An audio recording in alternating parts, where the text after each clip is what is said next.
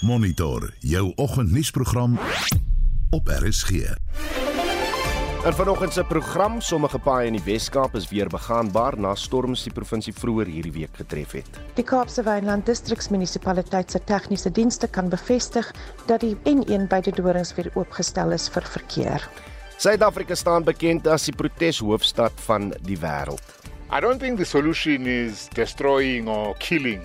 I think we should sit down, come up with ideas, with uh, visions and with programs Na half 7 praat ons daaroor. En die laaste groep Working on Fire brandbestryders wat vroeër vanjaar na Kanada ontplooi is, is terug in die land. Welkom by Monitor, die span vanoggend is Hendrik Maten, JD Labeskagni en ek is Oudo Karelse. Meer as 250 spelers op die lys vir die SA20 veiling, maar minder as 10% gaan spanne kry. Twee Suid-Afrikaanse skeieregters haal die Afrika Nasies beker kortlys en Rustenburg maak gereed vir die nasionale netbal kampioenskap. Ek is Shaun Schuster vir RSG Sport. Wanneer word dit nodig om te betoog of sal jy eerder gaan stem om jou keuse uit te oefen? 'n Sekere joernaliste en ontleeders beskou Suid-Afrika as die hoofstad van betogings. Die Suid-Afrikaanse Polisie Diens het in 2016 aan die Menseregte Kommissie gesê dat daar gemiddeld sowat 13500 betogings elke jaar plaasvind hier in Suid-Afrika. Ontleeders meen daar is 'n verband tussen betogings en die wegbly stem. En dit is 'n belangrike parallel met die oog op volgende jaar se verkiesings. So ons vraag vanoggend aan jou is: wanneer word dit nodig om te betoog of sal jy eerder gaan stem om jou keuse uit te oefen? Jy kan op RSG se Facebookblad bietjie saampraat. Stuur vir ons 'n SMS op die nommer 45889. Dit kos jou R1.50 per boodskap of jy kan 'n stemnota stuur na die nommer 076 536 6961. Dis presies 11 minute na 6. In die Weskaap is 11 mense reeds in die storms dood. 4 hiervan is kinders wat doodgeskok is in twee verskillende voorvalle na dae van swaar reën in verarmde informele nedersettings naby Kaapstad. Maar ons praat vanoggend met 'n brandbeskermingsbeampte van die Oeverberg Oeverberg distriksmunisipaliteit Reinhard Geldenhuys. Voor ons met die onderhoud begin, speel ons 'n insetsel van die DA provinsiale leier in die Weskaap, Tersus Simmers. Ons bedank alle individue, gemeenskapsorganisasies en rampbestuurspanne vir die hulp aan diegene wat deur onlangse storms in die Weskaap geraak is, veral in die Langeberg, Oeverberg en Tuinroete gebiede. Burgerlike organisasies, plaaslike regering en die private sektor het vinnig gereageer en baie reisigers bygestaan. Kerke, gemeenskapsale en parkeerterreine is redelik beskikbaar gestel vir reisigers om veilig te oornag. Opruimingsoperasies is reeds aan die gang en ons sal voortgaan om die situasie te monitor. Ongelukkig is daar ook berigte van vermiste persone sowel as lewensverlies en ons wil ons innige meegevoel aan die geaffekteerde families stuur. Ons gesels nou met 'n brandbeskermingsbeampte van die Oeverberg distriksmunisipaliteit Reinhard Geldenhuys. Reinhard, goeiemôre. Goeiemôre. Hoe, hoe ernstig is die skade aan infrastruktuur in julle gebied? Ehm um, weet jy obvious ons is ons nog besig met skadeberaming hmm. en ehm um, nou ons ons is nou net uit ons reddingsfase uit. Maar wat ons wel weet is is baie is ehm um, baie ernstige skade aan ons paaie en ehm um, van ons mense wat huise se weet wat nat geword het en so aan met die met die eerste fase van die storms. So daai beramings nog gaan die gang die die ehm um, skade aan landbou word nog steeds bepaal. Sekere dele het redelik ehm um, seer gekry. Ehm um, die maar baie van die plekke moet ons nog wag vir die water om te sak om seker te wees wat ons waarmee ons mm. te doen het. En natuurlik die groot skade wat ons van weet is die N2 wat gesluit is by Botterrivier. Dit gaan 'n redelike impak maak. Ehm um, so ja, dit is dit is nog goed aan die gang met die skadebepaling om dit so te stel. Hoe hoeveel sterfgevalle het julle gehad in in in die Oeverberg? Ons het 3 bevestigde gevalle. Ehm um, mense wat weggesleer is deur die water. Uh twee word nog gesoek. Ehm um, maar ja, hoe sê ons in Engels um, missing but presumed drowned. Mm. So uh, een kon ons wel vind. Uh die polisie is besig om die een te soek wat by die N2 af is. Uh is ongelukkig twee mense wat op die brug was die oomblik toe hy meegesleer is deur die water of weggevoer is deur die water. Een persoon kon ons red, ehm um, maar die ander een is weg en dan in die verlierstop area is 'n persoon met die water weg en ons ehm um, soek nog na hom. Die die voorvalle waar waar jong kinders doodgeskok het, het het dit in in die Oeverberg gebeur en indien nie, hoe skok mens dood tydens reën? Ehm um, jy vra my 'n moeilike vraag want dit is nie in my gebied mm, nie. Ehm mm, mm. um, ek dink dit was in die Kaapstad area, so ek is nie seker wat die omstandighede was was daarvan nie, maar ehm um, Ja, dit jy vra my nou om te suggereer nee, hierso maar. Nee nee nee, ek hoor. Ons het ons het in die informele in die informele gebiede en het ons ehm um, krag aan uh, jy weet krag wat aangelees en so aan en met water en krag werk dinge nie altyd lekker saam nie. As hy sê my waarmee gaan julle vandag baie besig wees? Ons het nog dele wat afgesny is. Ehm um, byvoorbeeld die Alderstroom korrektiewe fasiliteit is heeltemal afgesny. So ons het polisie spanne wat ons help daar om ehm um, daar moet kosvoorraad oorgevat word. Onthou jy die plekke het nie kos vir weke en so aan nie. So ons is besig daarmee. Ehm um, Aniston area is nog afgesny. Ehm um, die munisipaliteit probeer kos by hulle kry. So dit ons het so twee of drie gedeeltes wat nog kosvoorraad moet kry deur die dag. En dan die grootste ding gaan wees ehm um, opruimingswerk. Hmm. Om van ons paaie onthou die een van ons grootste impakte is dat ons boere moet begin oes in die volgende uh 2 tot 3 weke, um en nie vroeër nie en hulle het die paaie nodig om graan by die silo's te kry. So dit is dit is van die ander aksies, maar die opruimingswerk, die humanitêre um gedeeltes, dit is nou die groot ding. Mense wat nou nog as uh, huise nat is, mense wat nog kos nodig het en so aan. Ons is besig met DSD om te help met kos en so aan. Dit is die, dit is die grootste take en dan en infrastruktuur take by Hoofstrand en so aan, maar ehm um, almal is besig daarmee. Reinhard Geldenhuys, dankie vir jou tyd op Monitor. Hy's 'n brandbeskermingsbeampte van die Oeverberg distriksmunisipaliteit. Kom ons gesels nou met Wayne Venter, 'n senior voorspeller van die Suid-Afrikaanse Weerdiens. Wayne, goeiemôre. Goeiemôre, goeiemôre aan die luisteraars. Moet moet die mense in die Weskaap hulle self voorberei vir nog reën? Nee, gelukkig het ons daarom nou nie weer reën in voorspelling vir die volgende paar dae nie. En eintlik 'n mooi dag in die Weskaap vandag, die warmer toestande ook. Ehm, um, maar die afneelaagdrukstelsel het nou verder oos beweeg. Ehm, um, uit die land uit so ons verwag net die reën nog in die Ooskaap vanoggend. Ehm, um, en dan die oostelike dele van die land. Uh, vertel net 'n bietjie meer van van hoe hierdie weerpatroon die groot oorstromings veroorsaak het. Ja, dit is 'n tipiese afsny laagdrukstelsel. Nou hierdie weerpatrone is, is nogal gevaarlik vir Suid-Afrikaans kry. Elke lente en herfs maak gewoon in die lente en herfs maande. En hierdie weerpatrone gewoonlik ontwikkel wes van Suid-Afrika. En dit is 'n laagdrukstelsel in die bolig van die atmosfeer en hy beweeg nou oor Suid-Afrika en hy bring baie tropiese vog in. Um, saam met die laag oor die westelike helfte van die land. En dan hierdie laag het nou reg oor die Weskaap in beweeg en vir 'n paar dae daar gesit. So dit het dan nou met al die bergagtige gebiede nog meer ehm um, konveksie en so voort veroorsaak. Hmm.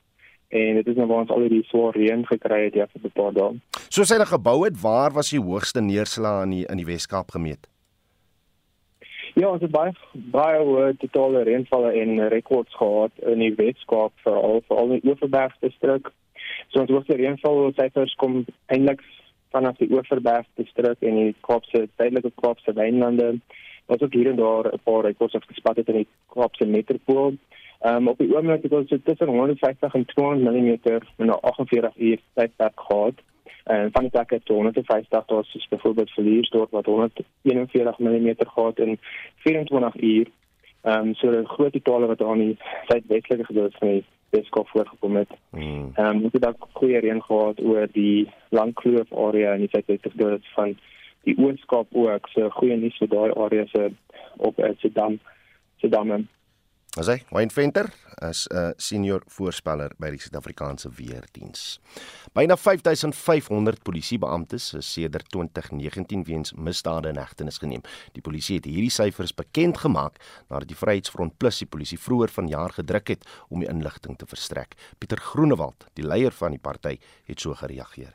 Die feit dat altesaam 5489 polisielede sedert die 2019-20 boekjaar in hegtenis geneem is vir strafregtelike oortredings wys hoe diep misdadigheid in die polisie wortel geskiet het.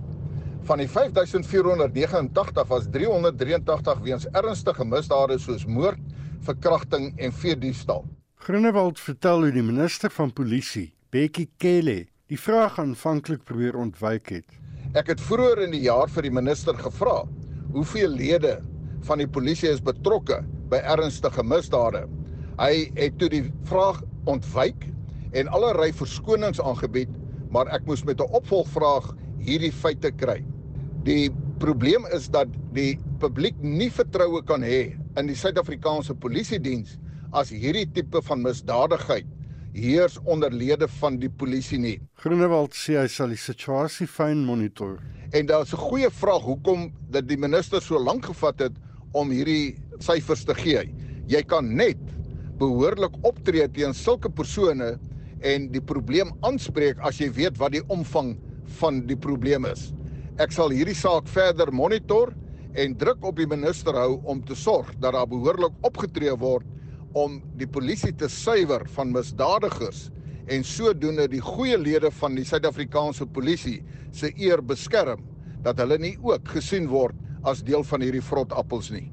Dit was die leier van die Vryheidsfront Plus, Pieter Groenewald. Ek is Hendrik Martin vir SAK nuus. Dileka Mandela, die kleindogter van wyle president Nelson Mandela, het hulde aan haar niggie, Zoleka Mandela gebring. Zoleka is verlede week aan kanker dood en word onthou vir haar dapperheid en aktivisme oor maatskaplike probleme soos geslagsgebaseerde geweld. We are a close-knit family. So my memory casts back to the times we would spend in Kunu and in jubilant occasions. The one thing that Zoe has taught me, as even as his elder sister, as his elder cousin, is endurance and and you know braving the odds. Zoe fought courageously. She knew the odds were stacked against her, but that didn't discourage her from fighting against this this terrible, terrible disease called cancer. I will always miss her. I will miss her smile. I will miss her zest of life. I will miss, you know, her exuberance, you know, and her authenticity. Ndileka onthou nog die laaste keer dat sy Zoleka gesien het. The last time I spent with Zoe was when he was christening her children, you know, all four of them. And I remember when I saw her and I wanted to cry, and she said to me, Sissy, please, not today. So I know that you are reunited with Big Mommy, with your mom, with the children. What a reunion it will be. I'm hoping I can make it in time for your funeral. I will always miss you, my dear cousin. Eternal goodbye. Eternal good night. Ndileka Mandela, die kleindogter van wyle president Nelson Mandela, oor die dood van haar niggie Zoleka Mandela. Die laaste groep Working on Fire brandbestryders wat vroeër vanjaar na Kanada ontplooi is, is terug in die land. Die groep het Kanada bygestaan in sy velste stryd teen veldbrande tot nou toe. Joan Marie Verhoef berig minstens 17 miljoen hektaar is die afgelope brandseisoen in Kanada vernietig. Die groep van 200 is onder luide applous terugverwelkom by die Kruger Mpumalanga internasionale lughawe. Hulle was doenig in Alberta, die noordwestelike dele van die land, en in Brits Kolumbie, en hulle sê die brande daar is 'n perd van 'n ander kleur. Hoewel dit heel partylede se eerste oorseese sending was, het hulle nie geskroom om skouer aan die wiel te sit nie.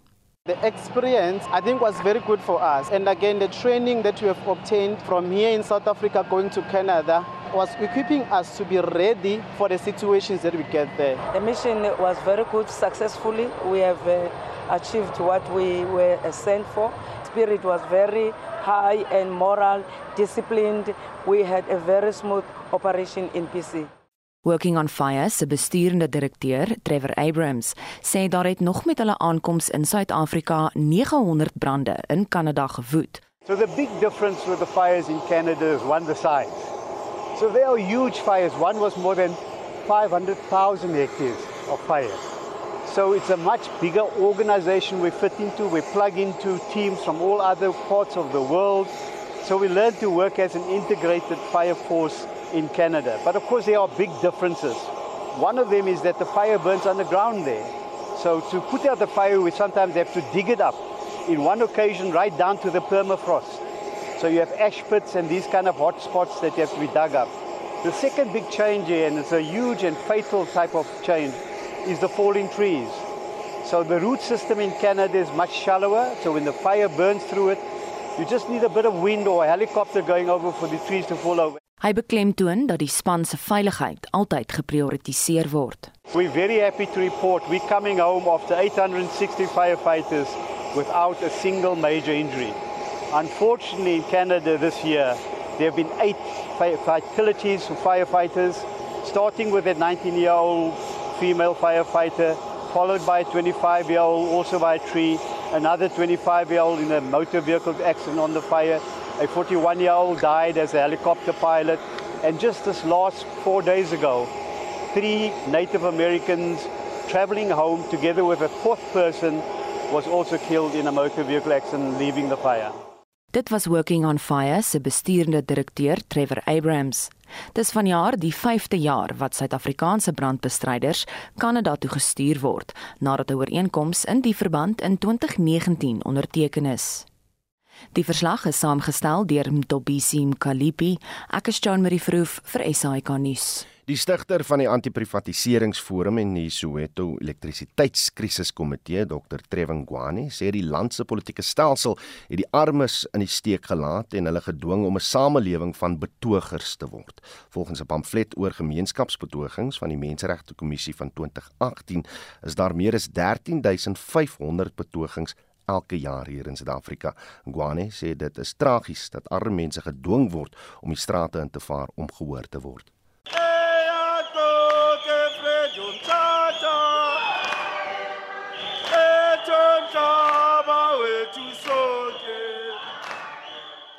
Suid-Afrika, wat die proteshoofstad van die wêreld genoem word, het die hoogste koers van openbare betogings wêreldwyd.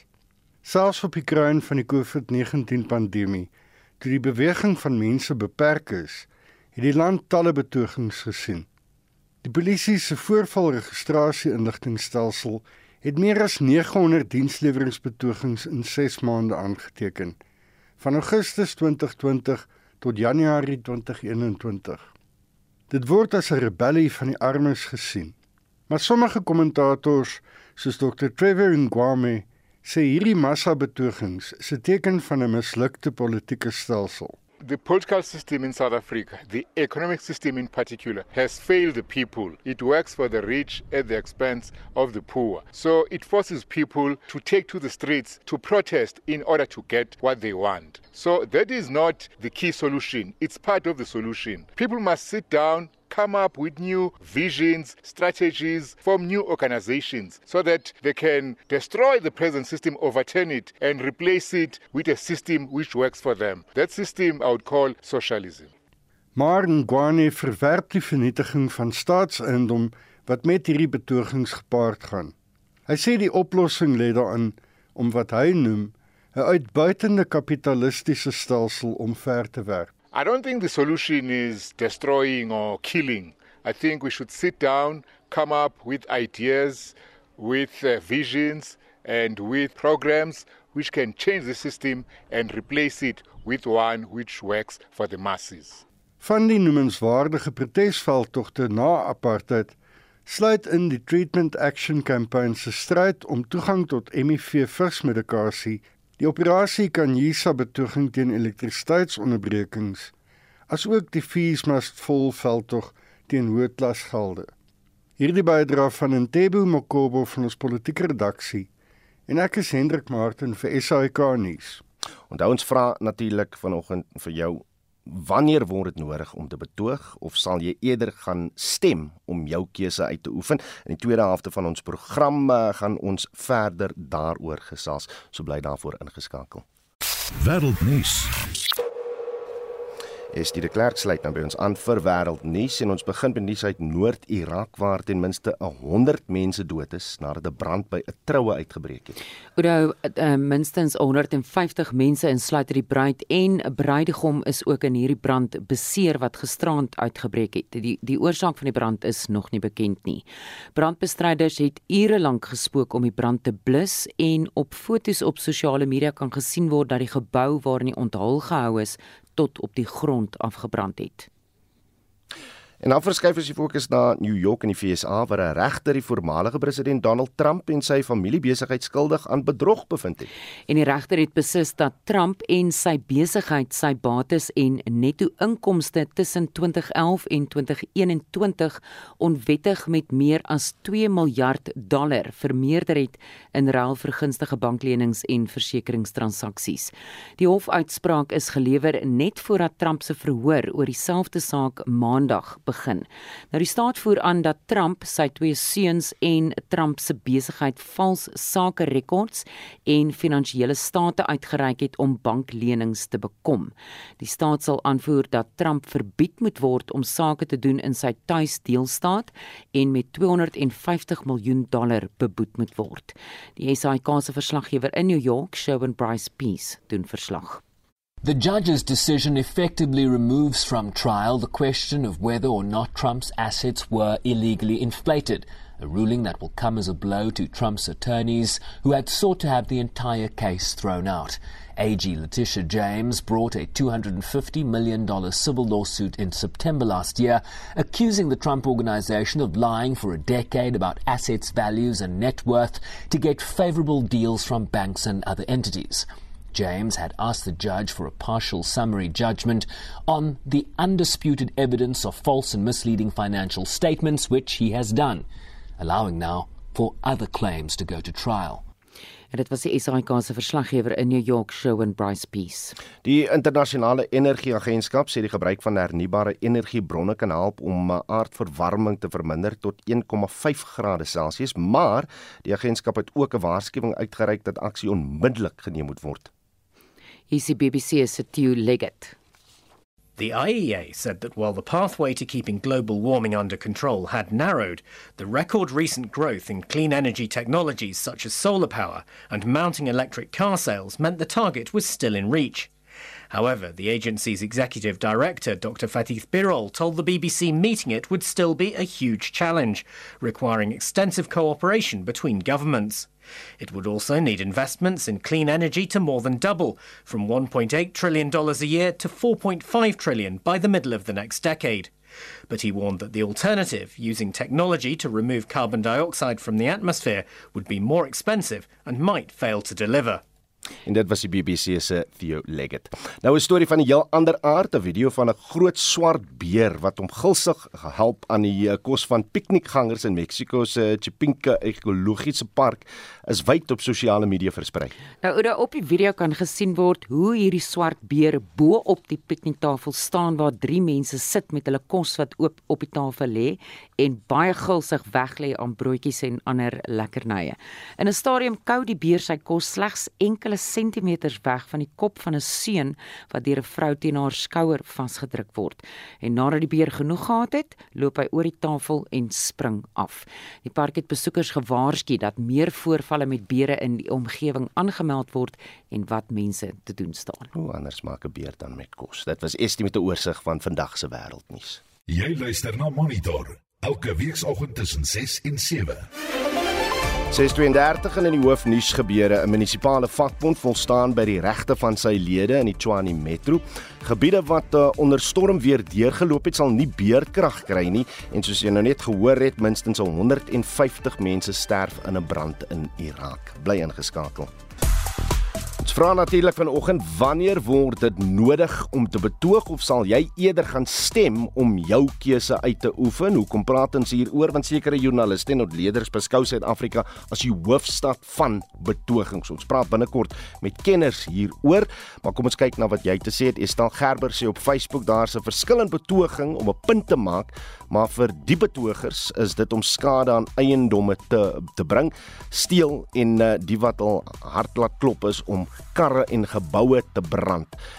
Die betogers van wie jy nou praat, is daar 'n spesifieke insident sal bitter graag wou weet want, want as ons kyk na die navorsing ons sal by die kenner hoor dan blyk dit die meerderheid oorgrootste meerderheid van protesoptogte word wel vreedsaam gehou in Suid-Afrika. Uh Stefan van Heerden sê wees die joernaliste en wees die ontleeders. Ons sal bietjie uitvind en bietjie vra net presies hoe die mening en hoekom die mening gelig is. Leonie Kellerman sê dan word betoog om in winkels te gaan gryp en hol met wat ook al in die hande. Dis maar van die menings, maar deel jou mening. Vraag weer eens, wanneer word dit nodig om te betoog of sal jy eerder gaan stem om jou keuse uit te oefen. Jy kan vir ons 'n uh, boodskap op ons RSG Facebook bladsy uh, gaan plaas of stuur vir ons 'n SMS op die nommer 45889. Dit kos jou R1.50 per boodskap of jy kan ook 'n stemnota stuur na 076 536 6961.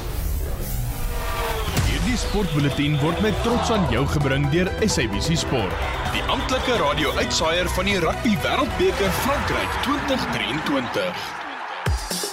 Regsjon Jooste staan gereed met die jongste sportnuus môre Sjon. Goeiemôre Oudo. Terwyl die wêreld gereed maak vir die eendag wêreldbeker toernooi in Indië, die fokus in Suid-Afrika op die SA20 veiling, nie waar nie?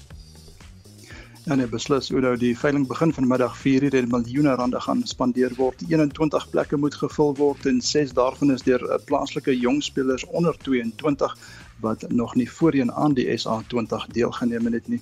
Nou meer as 250 spelers is beskikbaar vir die veiling en eintlik sal spanne uit 19 spelers bestaan. Maar die Paul Royals dink ek is in die beste posisie met twee plekke in die span oor en meer as 8.8 miljoen rand in die bank. Die Pretoria Capitals se beurs is ook lekker vol. Hulle kort 4 spelers en het so 9.7 miljoen oor terwyl die kampioene Sunrisers Eastern Cape slim moet speel met net so onder 1.8 miljoen oor en plek vir twee spelers in hulle span en die veiling kan ook op die Betway S Betway SA20 YouTube kanaal gevolg word. Ja, sal hom later bietjie kyk maar as heel wat toetspelers staan uit kompetisie maar kom ons uh, verskuif na die fokus. Ek sien as twee Suid-Afrikaanse uh, skeieregters op die kortlys vir die Afrika Nasies beker toernooi. Dink jy hulle gaan die finale lys haal? Abongile Tom sal so 'n bietjie van 'n verrassing wees aangesien hy nog 'n skorsing uitdien vir die manier hoe hy die Chief Sundowns kragmeting op 9 Augustus hanteer het, maar Zakele Siwela wat een wat as een van die bestes in Afrika beskou word, dink ek word beslis op die assistente lys ingesluit te word. 'n Beter vertoning deur Manchester United en Chippa United is 4de in die DStv Premierliga.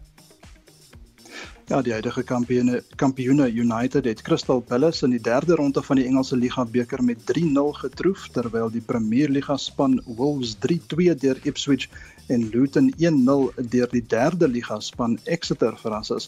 En ja, Chippa United het SuperSport United in die DStv Premier Liga met 1-0 uitoorlê. Hulle skuif na onder die top 4 en op 12 punte. SuperSport United bly derde en 109 spanne het ingeskryf vir die Spar Nasionale Netbal Kampioenskap wat volgende week in 'n warm Rustenburg begin. Ja, so ongeveer 1800 spelers neem van maandag af by Hoërskool Rustenburg aan die kampioenskap deel. Die senior en onder 21 kampioenskap word dieselfde tyd gespeel. Nou ja, dit is warm daar in Rustenburg, maar 'n markies tent sal opgeslaan word vir spelers en wedstryde gaan ook nie tis, tydens die warmste tye van die dag gespeel word nie. Nou kaartjies is ook spotgoedkoop. Dis maar R20 vir volwassenes en R10 vir kinders. Lekker. Shaun Jooste daar van RSG Sport. Soos ons aan die begin van die program gesê het, beskou talle joernaliste en politieke kommentators Suid-Afrika as die hoofstad van betogings. Presies, hoeveel betogings is daar in Suid-Afrika? Wel die polisie het in 2016 aan die Menseregte Kommissie gesê daar vind elke jaar so wat 13500 betogings plaas, meeste van hulle vreedsaam. Die Instituut vir Sekuriteitsstudies het ook in die verlede navorsing daaroor gedoen en ons praat nou met die bestuurder van die mis, van die misdaad en geregtigheidsplatform by die ESS, Lizet Lancaster. Lizet, goeiemôre. Goeiemôre. Kom ons kyk gou, die polisie se syfer is dalk bietjie hoog. Wat sê julle navorsing van van hoeveel protesoptredes wel in Suid-Afrika 'n jaar plaasvind? Kyk, hulle sal beter weet as enige een van ons want ons werk maar op die inligting wat ons kry van um op die grond, jy weet groepe af of deur die media hmm. waar hulle nou eintlik werk met die tipe van betogingssyfers wat hulle nou uitgeroep word.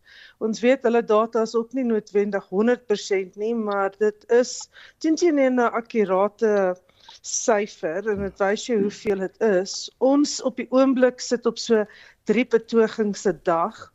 Um so so net so onder 100 'n maand. Mm. Ehm um, maar natuurlik soos ek sê, jy weet daar mag dalk wees veral in kleiner landelike gebiede wat ons nie noodwendig opvang elke mm, keer nie. Mm. Wat sê die syfers Lizet ten opsigte van van watter getal protesoptredes vreedsaam geskied? Ons sien dat die die meeste is darm nog vreedsaam. Um, maar natuurlik het ons die afgelope van so 2012 af as ons nou dink terugdink aan Marikana en so aan het ons begin sien hierdie toename in gewelds um protes. En dit is omdat vir verskeie redes van jy weet dat mense voel dat hulle um vredesame betogings nie meer werk nie hmm. dat mense dat die polisie en die regering net luister as hulle gewelddadig word ons het gesien dat in sekere gemeenskappe en dit is nogal dieselfde gemeenskappe oor tyd hmm. um baie gouer wat ons noem dis rapte wraak daai die, die die klippe in die pad sit en die bande brand en so aan en dan natuurlik as die polisie inkom dan dan is daar gewoonlik 'n bietjie konflik. En, en Lizet nie dat dit noodwendig eh, 'n uh, verband hou met COVID nie, maar het ons 'n toename in protesoptredes gesien sedert COVID? Ja, daar is definitief ehm, 'n um, toename. Ehm um, ons ons kon daai toename seker die mees um ja, opspraakwekkende deel daarvan was in die Julie um 2021 geweld waar ons gesien het hoe gou baie gemeenskappe um begin nie noodwendig protes maar die maar die soort van um looting soos hulle sê en so aan. Um so ons sien 'n bietjie meer. Voorheen het ons so 2 en 'n half 2 dag gesien, nou is dit 3 en dit hou baie verband met twee faktore. Die een is die um elektrisiteit en water situasie in baie areas en dan 'n groot um uh 'n groot faktor is ook misdaad hmm. en polisieeringspraktyk in baie areas. So ons sien net ewe skielik oor die afgelope 5 jaar bietjie voor Covid, maar veral hmm. na hierdie toename in 'n protes teen die polisie wat 'n bietjie ironies is. Ja. En um en dan natuurlik misdaad. Ons sien plekke soos Diepsloot byvoorbeeld amper elk en en um uh bende geweldsareas baie praat oor of protes aanteken teenoor misdaad. Da, Daar's 'n indruk waaronder sekere van ons luisteraars verkeer en uh, as ek kyk na na die SMS lyn net so een of twee van daai boodskapies uitgelees waar mense sê ja maar betogings is net 'n dag af vir mense waar hulle geraas kan maak en kyk of hulle goed kan steel. Wat, wat sê die syfers? Wat sê die navorsing wat gedoen is hieromtrent? Ja, so ons weet dat in sekere areas, jy weet hierdie betogings baie die betogings is ehm um, as oor regmatige jy weet ehm um, sake. Dit is nie dat mense besluit hulle gaan betoog oor niks nie. Mm. Maar wat ons wel sien natuurlik is in vakansietye byvoorbeeld sal kinders meer ehm um, deelneem aan die betogings. Mm. So die groep grootte word geaffekteer deur jy weet wie lus is daai dag mm. maar die die regte eh, sake waaroor mense protes aanteken is baie oorsaaklik um jy weet die die dis die regte goeders waaroor mense baie sterk voel. Hmm. Ons het nog 'n gas op die lyn is professor uh, Christie van der Westhuizen, 'n politieke ontleder van Nelson Mandela Bay Universiteit. Uh, Christie, goeiemôre. Môre Udo, lekker om saam met julle te wees. Lekker om jou stem saam met ons te hê. Kan ons Christie betogings, protesoptredes koppel aan die wegbly stem in verkiesings in Suid-Afrika? Ja, ek dink ons moet hierdie twee goed saam lees, want soos ons sien, soos uh, Lizet baie goed beskryf het, hierdie toename in betogings veral oor die afgelope dekade sien ons terselfdertyd 'n uh, 'n massa onttrekking van die stemproses. Hmm. En en ons sien dit in die uh, presies uh, onder ANC ondersteuners. So ons sien in ANC ondersteuners blyk al hoe meer ontnigter te wees oor wat jy kan regkry met jou stembrief. En en 'n mens kan sê hulle wend hulle self eintlik dan tot 'n meer regstreekse manier om eise te maak teenoor hulle openbare verteenwoordigers, jy weet die mm. die plaaslike raadslid, maar dikwels ook dan gerig op 'n nasionale minister uh weet wat moet uitkom wat moet kom sien wat die wat die probleme is. Maar wat sê dit dan van ons demokrasie as hulle nie 'n alternatief sien vir die party waar waarmee hulle nou nie meer saamstem nie? Wel, dit is presies die die ding want uh op hierdie stadium soos iemand weet onlangs uh, was daar 'n berig se se se opskrif gewees dat dat as al die mense wat opgehou het om te stem, vandag gaan stem vir 'n ander party, hmm. sal die die ANC uit die kussings lig, sien hulle maar volgende jaar met volgende jaar hmm. se verkiesing. Maar ons sien dit nie, so daai stemme word nie oorgeplaas na 'n ander party nie. Wat so dit dit blyk dis dan nie net 'n krisis vir die ANC nie, dis ook 'n krisis vir oppositiepartye. En en dit wys vir jou dat uh, oppositiepartye is ook nie besig om genoegsaam van 'n alternatief te gee dat mense glo wel as ek vir hierdie ander party stem, gaan my lewe verbeter nie. Kom, so dis eintlik 'n ja. 'n negatiewe teken vir ons hele demokrasie. Dis interessant. Liset, kom ons keer nou terug na die syfers en wat dit vir ons sê. Dan dan moet sekere vlak van sukses wees deur gemeenskappe wat wat die strate invaar, anders sou mense dit nie doen nie. Ja, en ons het gesien dat ons um, in plekke soos Gauteng het daar eintlik 'n afname gewees van protes so rondom 2014 2015 toe hulle taakspanne op die been gebring het deur die ehm um, deur te gaan luister na hierdie gruwe nog voordat mense jy weet as mense sodra hulle begin protes aan aanteken en toe het hulle jy weet dan sal hulle sake saam oplos tussen die provinsiale en die plaaslike regerings. Hmm. Natuurlik met die koalisie het wat in 2016 in van die metro's ontstaan het, het het natuurlik dit um weggeval. En so so die ding is dat mense voel hulle word nie nog steeds nie na geluister nie, maar in baie opsigte sien jy dat as mense nou aanhou dat dat tog daar geluister word en dat soos polisie ministers sal na areas toe gaan mm, mm. wat wat vreeslike protes aksie het en gaan luister. So ja, mense glo nog steeds dit werk beter as 'n stem. Christy, ek ek het nou in die in die inleiding gesê Suid-Afrika word beskou deur sekere joernaliste, politieke kommentators as die hoofstad van betogings, maar maar weerspieël dit nie 'n internasionale tendens nie. Dis eintlik uh, Pieter Alexander van van uh, die Universiteit van Johannesburg wat oorspronklik hmm. hierdie term gebruik het van die betogingshoofstad. Ek dink dat dat ons sien wêreldwyd 'n uh, ontnugtering in demokrasie en demokratiese prosesse en ek dink dit is hoekom ons dan ook sien dat mense al hoe meer luister na meer populistiese soort leiers.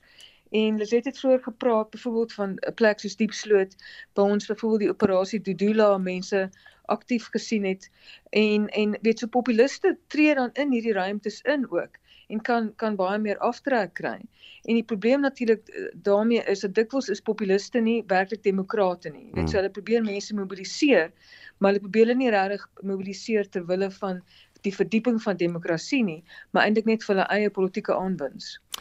Reg, as volgende jaar 'n verkiesing, as die tendens wel is dat mense die strate gaan invaar uh Lizet en en uh, uh, uh, gaan bydra tot die wegbly stem. Wat sê dit van ons demokrasie? Ja, kyk, dit is nie die ideaal nie, maar wat ons ook sien, um is soos die EFF te doel aan al die kleiner partye gebruik hierdie juis om gemeenskappe te mobiliseer. So ons gaan dit begin sien as deel van hulle um hulle campaigning gedurende hierdie proses. So ja, dit dit gaan interessant wees om te sien hoe die partye hulle protesaksie wat hulle mobiliseer gaan aanwend. Ons weet in die verlede die EFF het byvoorbeeld daai daai tipe van optrede het nie vir hulle stemme noodwendig gebring nie want baie van hulle lede gaan stem ook nie. So so dit gaan interessant wees hmm. um, om te wys om te sien um hoeveel protesaksie rondom die, die land gaan aangaan en wat by die stempels uh, boks gaan gebeur. En dit was die bestuurder van die Misdaad en Geregtigheidsplatform by die ESS, Lizet Lancaster, as ook 'n professor Christie van der Westhuizen, 'n politieke ontleder van Nelson Mandela Bay Universiteit. Die publiek het 2 uh, weke tyd om kommentaar te lewer op die wysigingswet op die nasionale vervolgingsowerheid. Dit is een van die maatreëls om staatskaping te voorkom en te beheer. Parlementslede is bekommerd dat die wetsontwerp nie die onafhanklikheid van die NVG voldoende hanteer nie. Nou die Departement van Justisie en Konstitusionele Ontwikkeling het die lede ingelig oor die uh, toepassing van die voorstelle van die Zondo-kommissie. Mitsi van der Merwe doen verslag. Die nasionale vervolgingsowerheidswysigingswetsontwerp is die reaksie van die Departement van Justisie en Konstitusionele Ontwikkeling op die president se voorgestelde optrede na bevindinge van die staatskapingsverslag. Die president se reaksie was drieledig. Dit was om 'n permanente ondersoekende direktoraat te stig om deursigtig te wees in die aanstelling van die hoof van vervolging en om die bevoegdhede van die NVG te versterk. Die NVG wysigingswetsontwerp hanteer slegs een van die aspekte. Die adjunkdirekteur-generaal van die Departement van Justisie en Konstitusionele Ontwikkeling, Kelly Pelay. Investigating director to be established as a permanent entity. Here, the National Prosecuting Authority Amendment Bill has been introduced and is currently undergoing deliberation in Parliament die DA parlementslid Werner Hon sê hoewel die NVG wysigingswetsontwerp voorsiening maak vir die vestiging van 'n permanente ondersoekende direktoraat, hanteer dit nie die onafhanklikheid van die NVG behoorlik nie. From what is in the presentation as well as what was now shared with us during the presentation, we must in my view be worried that there is a disconnect between the remarks of the Zondo Commission about the importance to deal with and to establish a, an independent national prosecuting authority versus the envisaged work by the department and this government as set out in the presentation. Die ACDP LP Steve Swart meen dat daar genoeg tyd sou gewees het om die wysigingswetsontwerp te hanteer. And we know the recommendations came out a long time ago, the Zondo Commission, and we are dealing with an NPA bill now. So it is a pity that bill dealing with purporting to deal with the permanent successor to the ID. It's a pity that we were not able to look at this aspect, independence of the NPA, understanding it would require a constitutional amendment, as the department has pointed out. But the pity now is obviously this is now going to stand over um, to post election. Die departement het toegegee dat daar nie genoeg tyd is om voorstelle by te voeg wat die onafhanklikheid van die NVG bepaal nie. Die adjunkminister van Justisie en Konstitusionele Ontwikkeling is John Jeffrey. Those are all issues as I said before on the introduction of the NPA amendment bill. Uh, those are all issues that are quite complicated that need to be reflected on deliberated on and will take time, particularly if they involve constitutional amendments. And that is why we want the, excuse me, National Prosecuting Act Amendment Bill passed to ensure that right now the investigating directorate has greater capacity.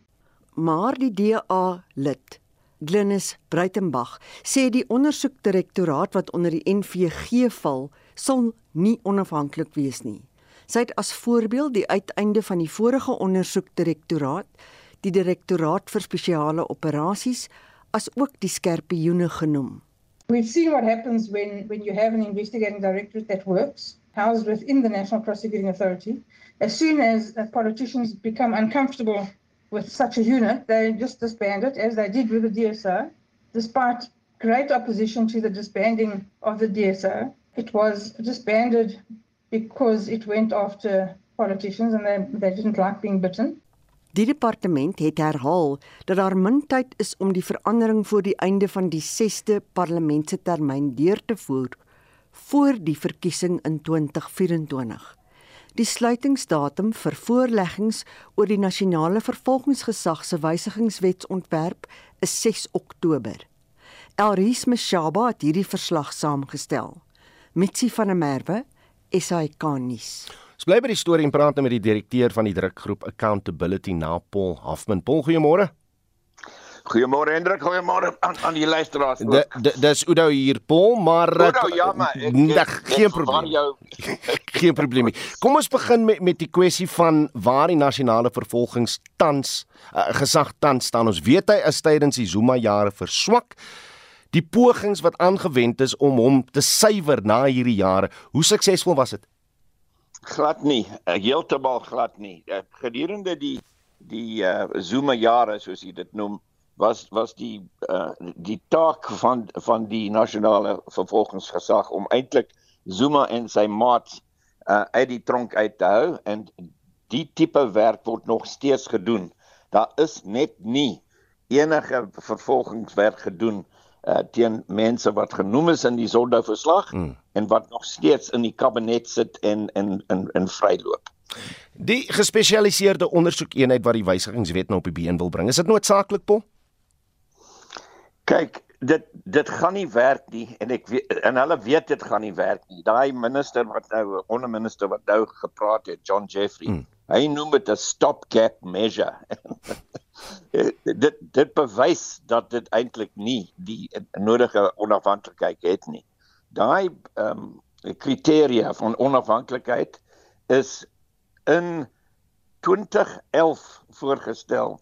Hmm. Voorgestel dit dit is neergelê deur die deur die uh, grondwetlike hof en dit, dit is bindend op die regering. En die feit dat hulle vir so lank getalle met oor, oor oor wat daaroor te doen hmm. bewys dat eintlik is hierdie regering nie in staat of uh, van plan om met die uh die die uh gesag van die wet te te um, saam te werk nie. De, ons ons het in uh, 2021 'n voorstel aan die kabinet voorgelê. John Jeffrey het ook 'n uh, uh, uh, afskrif daarvan gekry. Ons het 'n konsepwet en 'n konsepwysiging van die grondwet vir hulle gegee en hulle het net mooi niks daaromtrent gedoen nie. So, Leidens julle plan. Nou laat is is nie dis ja. eintlik hulle eie skuld. Leidens julle plan. Waar moet die uh, politieke oorsig oor so 'n eenheid lê? Uh, in die parlement. In die parlement. So nie met 'n minister, nie met die president nie. En hierdie wysigingswet sontwerp, wat sê hy ten opsigte van politieke oorsig oor so 'n uh, uh, ondersoekeenheid? Dit dit bly onder die minister van justisie, dis die probleem. En dan net dit op. Hoekom is dit 'n groot probleem? omdat die, die uitvoerende gesag eintlik korrup is, dis die probleem. So, hoe gaan daar nou gemaak word? Gaan julle verder druk plaas op op die regering om seker te maak dat hierdie wetsontwerp soos hy geskryf is, nie die wet word nie? Ja, ons ons het klaar um um 'n uh, submissie vir die um die uh komitee gesit en as as as hulle nie die lig sien nie, hmm. ons hulle nie eintlik ingee en sê kyk ons ons moet met die Glenister saak se gegevens um in inval dan sal dit nodig wees om weer te litigeer. Dis die enigste uitweg. As hy advokaat Paul Hoffman is die direkteur van die drukgroep Accountability Now. Onthou net ons luisteraars vraag vanoggend, wanneer word dit nodig om te betoog of sal jy eerder gaan stem om jou keuse uit te oefen? Laat weet stuur vir ons uh, 'n uh, WhatsApp stemnota op die nommer 0765366961. Jy kan vir ons 'n SMS stuur op die nommer 45889. Dit kos jou R1.50 per SMS of maak soos baie van ons luisteraars vanoggend gemaak het en gesels bietjie saam op RSG se Facebookblad. Daai menings deel ons later op uh, Spectrum tussen 12 en 1 saam met jou. Ons groet dan namens ons uitvoerende regisseur Nicoline de Wee, ons redakteur vanoggend Hendrik Maten, ons produksieregisseur is JD Labeskagni en ek is Oudo Karel. Se geniet die res van die dag in die geselskap van RSG. Totsiens.